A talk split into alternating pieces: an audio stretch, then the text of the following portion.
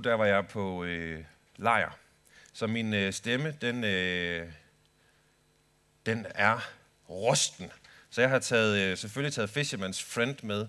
Så ham ligger jeg her. Passer godt til dagens øh, tekst, tænkte jeg. Æh, så kan han nok støtte mig lidt undervejs. Jeg vil faktisk øh, lægge ud med at læse prædiketeksten, som er fra Lukas evangeliet, og som er den historie, jeg lige har fået hurtigt genfortalt. En gang, da Jesus stod ved Genesarets sø, og folkeskaren trængtes om ham for at høre Guds ord, fik han øje på to både, der lå ved søen. Fiskerne var gået fra dem og var ved at skylle garnene. Så gik han op i en af bådene, den der tilhørte Simon, og bad ham lægge lidt fra land. Så satte han sig og underviste skarne fra båden. Da han holdt op med at tale, sagde han til Simon, Læg ud på dybet og kast jeres skarn ud til fangst. Men Simon svarede, Mester, vi har slidt hele natten og ingenting fået. Men på dit ord vil jeg kaste garnene ud. Det gjorde de, og de fangede en stor mængde fisk. Så deres garn var ved at sprænges. De gjorde tegn til deres kammerater i den anden båd, at de skulle komme dem til hjælp, og de kom og fyldte begge både, så de var lige ved at synke. Da Simon Peter så det, faldt han ned for Jesu knæ og sagde, Gå bort fra mig, Herre. Jeg er en syndig mand. For, alle, øh, for han og alle de, som var med ham, var grebet af redsel på grund af den fangst, de havde fået. Lige så Jakob og Johannes, Zebedeus' sønner, som fiskede sammen med Simon. Men Jesus sagde til Simon, Frygt ikke. Fra nu af skal du fange mennesker. De lagde bådene til land og forlod alt og fulgte ham. Da jeg læste dagens prædiketekst for øh, efterhånden noget tid siden nu, øh, halvanden uges tid siden, så kom jeg sådan til at tænke på et af mine øh, studiejobs i Aarhus-tiden, da jeg boede der og læste teologi. Jeg var nemlig flyttemand. Og øh, det var øh, sjovt, og det var mega hårdt, og det var gode penge for øh, studerende.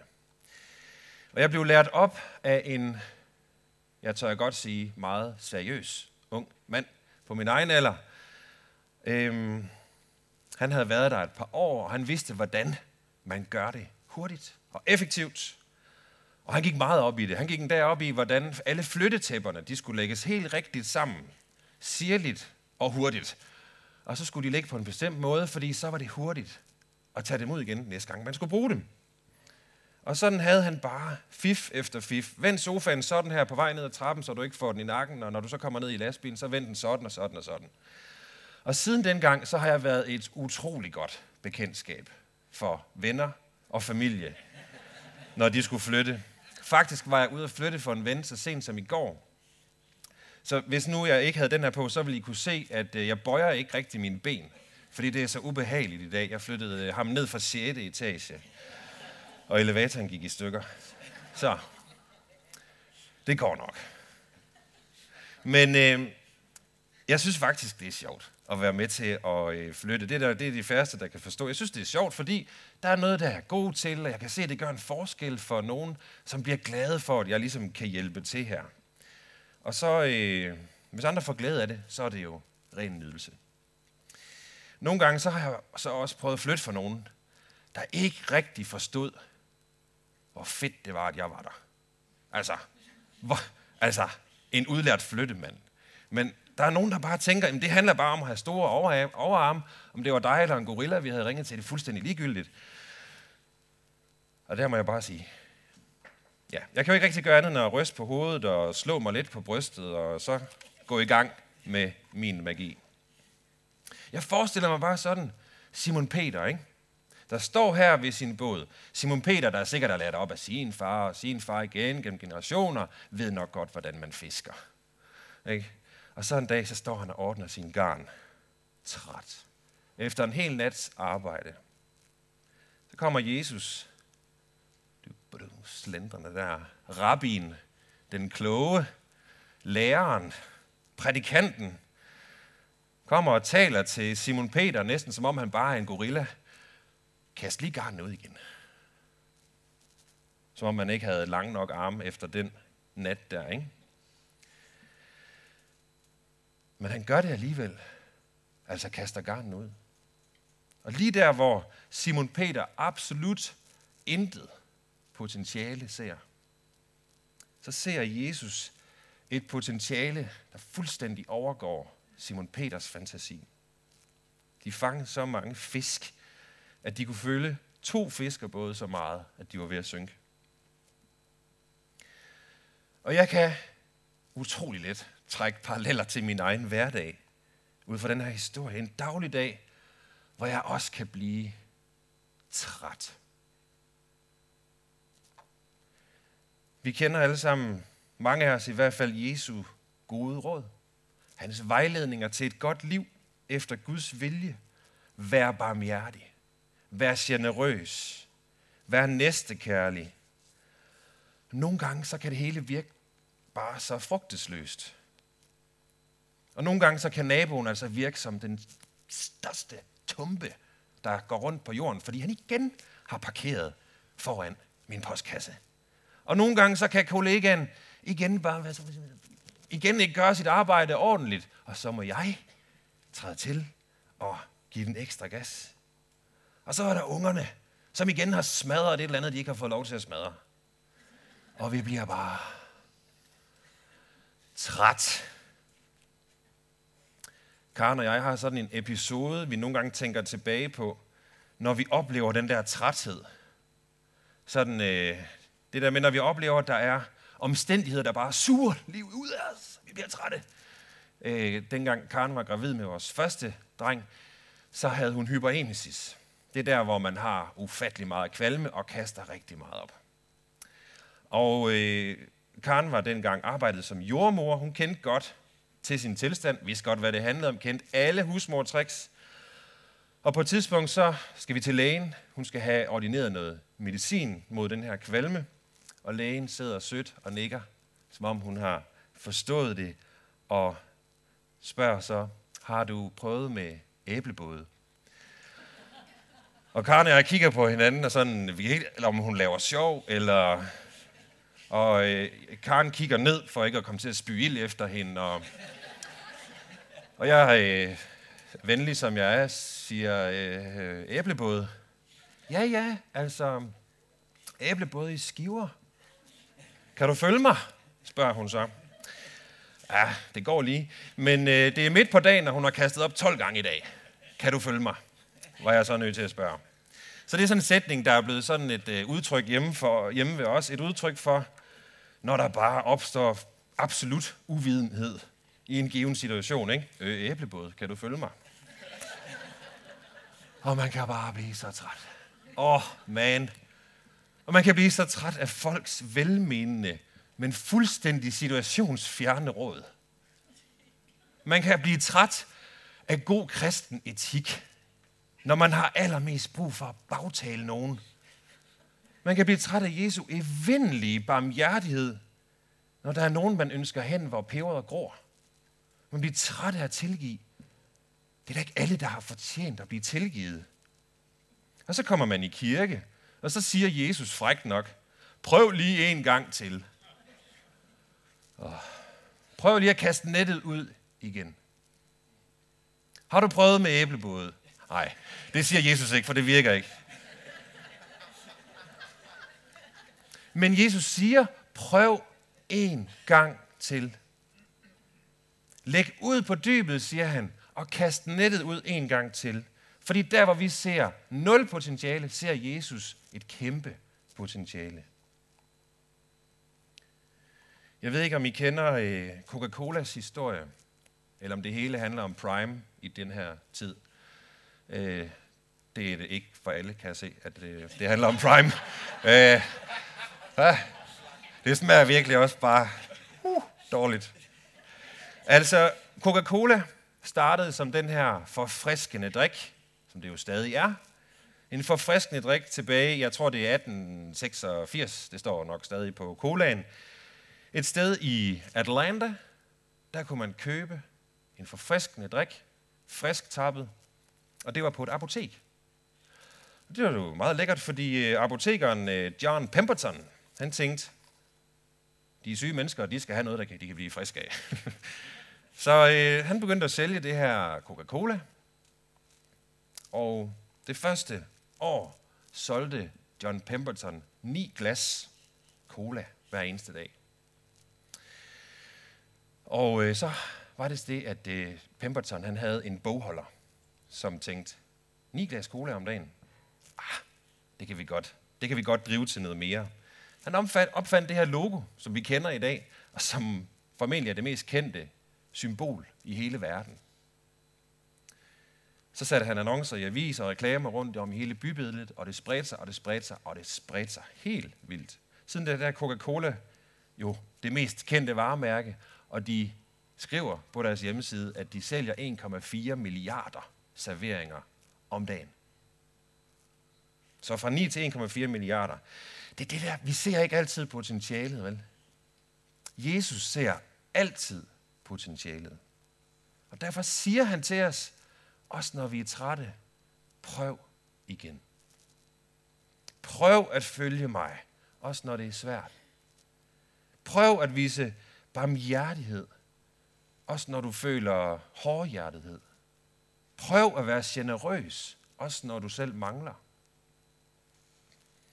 Prøv at holde fast i dine værdier over for dine børn, over for dig selv, over for dine venner, over for dine kolleger. Fordi det er vigtigt. Det er så vigtigt, at det også er værd at fejle, indtil du en dag måske lykkes med det. Simon Peters fangst i beretningen her er et billede for os på den rigdom og den velsignelse, Jesus har og vil give dig og vil give mennesker omkring dig. Den fangst, den var overmåde stor, ligesom Jesu fred, Jesu rigdom, Jesu velsignelse. Der var fisk nok både til Simon Peter og til en hel besætning mere på en anden båd. At følge Jesus giver frugt. Måske ikke i dag, måske ikke i morgen, måske ikke i det her liv. Den før omtalte John Pemberton, der opfandt colaen, han døde faktisk kort efter. Han nåede aldrig at se det der enorme potentiale. Og det tænker jeg nogle gange på, øh, det der, batter det noget? Altså, det der med at prøve igen, batter det noget? Er det virkelig, åh, rykker det noget? Batter det noget at give sine børn gode værdier, en kristen opvækst? Batter det noget at bede for de syge, og for dem, der ikke kender Jesus endnu? Batter det noget at blive ved med at elske og tilgive min nabo, min kollega, min ven eller fjende? Det skal bare batte noget.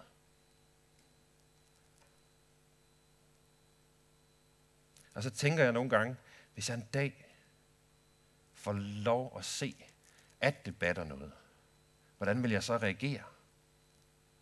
Hvordan vil jeg reagere, hvis jeg ser Guds rige åbenbare sig lige foran mig?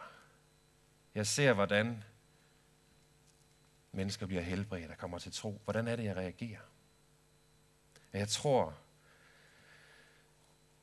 at jeg vil reagere ligesom Simon Peter kaste mig ned og sige, det, det, er ikke, det er ikke værd. Jeg har fejlet så mange gange. Jeg er en syndig mand, som Peter sagde, Simon Peter sagde. Jeg har nogle gange lyst til bare at bande det hele væk. Jeg gider ikke mere. Jeg er en syndig mand, og jeg vil være bange. Og så vil Jesus sige, frygt ikke. Så vil jeg nok sige, øh, det kan du sagtens sige. Så vil han nok sige, det gør jeg også. For det kan han sagtens sige. Og vi hørte Leif læse den her parallelle fortælling fra Esajas. Esajas troede, han skulle dø under Guds hellige nærvær, fordi han var et urent menneske. Han følte sig ikke værdig til at være så tæt på Gud, til at se Gud virke lige der foran ham. Men Gud gjorde ham ren, og Gud kaldte ham til at gøre tjeneste. Og Gud gav Esajas et helt nyt mod, da han kaldte ham til profet. Gud gav Simon Peter nyt mod, da han fik lov at vandre sammen med ham i tre år. Og se, hvordan Jesus igen og igen og igen forløste og redde fortabte mennesker.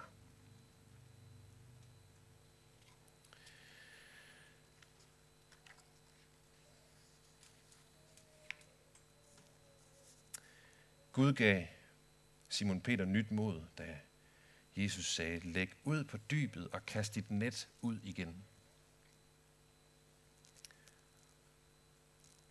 Og Gud vil også give dig nyt mod. Måske kender du godt følelsen af at være træt, udmattet, tom for idéer, eller bare tømt for mod til at elske, tømt for mod til at modtage, tømt for mod til at tilgive, eller til at give, eller til at være noget for nogen, bare tømt og træt. Esajas og Simon Peter, de indså, lige da de stod midt i det hele, midt i Guds nærvær, at de var helt og aldeles afhængige af Jesus. De var 100% afhængige af Jesus. Og Simon Peter sagde, da han stod der med nettet, okay, Jesus, på dit ord, så gør jeg det igen. På dit ord, så gør jeg det igen. Det var det, der fik ham til at fatte mod. På dit ord. Og jeg tror på, at Guds ord og Guds løfter altid indebærer et større potentiale, end det vi tør drømme om. Når vi overgiver os, og vi får lov til at se mere af Guds storhed, ligesom Esajas, der virkede som profet, og ligesom Simon Peter, der igen og igen så alt det, Jesus gjorde.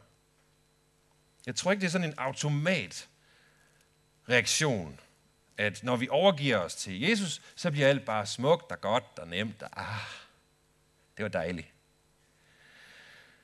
Både øh, Esajas og Simon Peter, de led martyrdøden.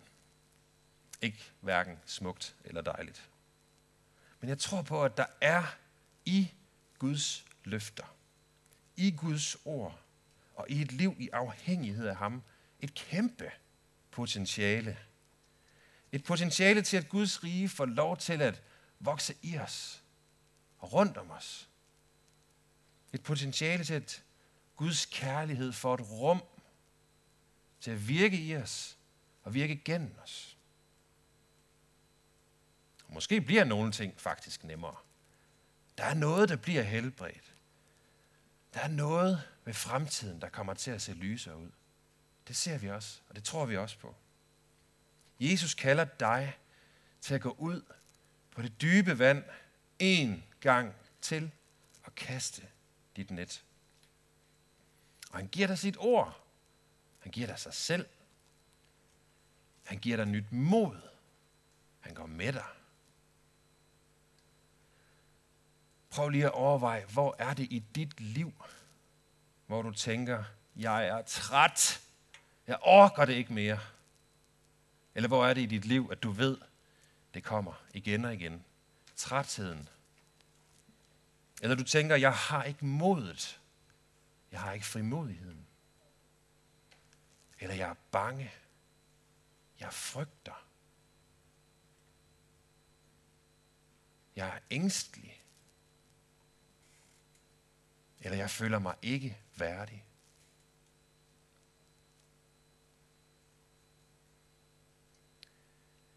Vil I rejse op sammen med mig, og så bede, beder vi en bøn sammen.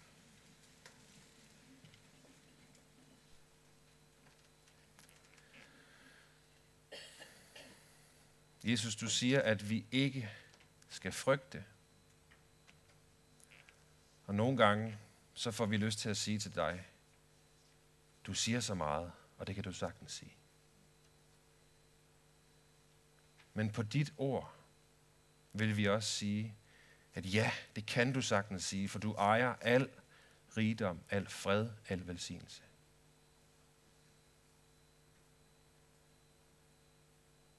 Og du kan i dine egne bønder prøve at give det over til Gud, som lige nu gør dig træt, modløs, frygtsom.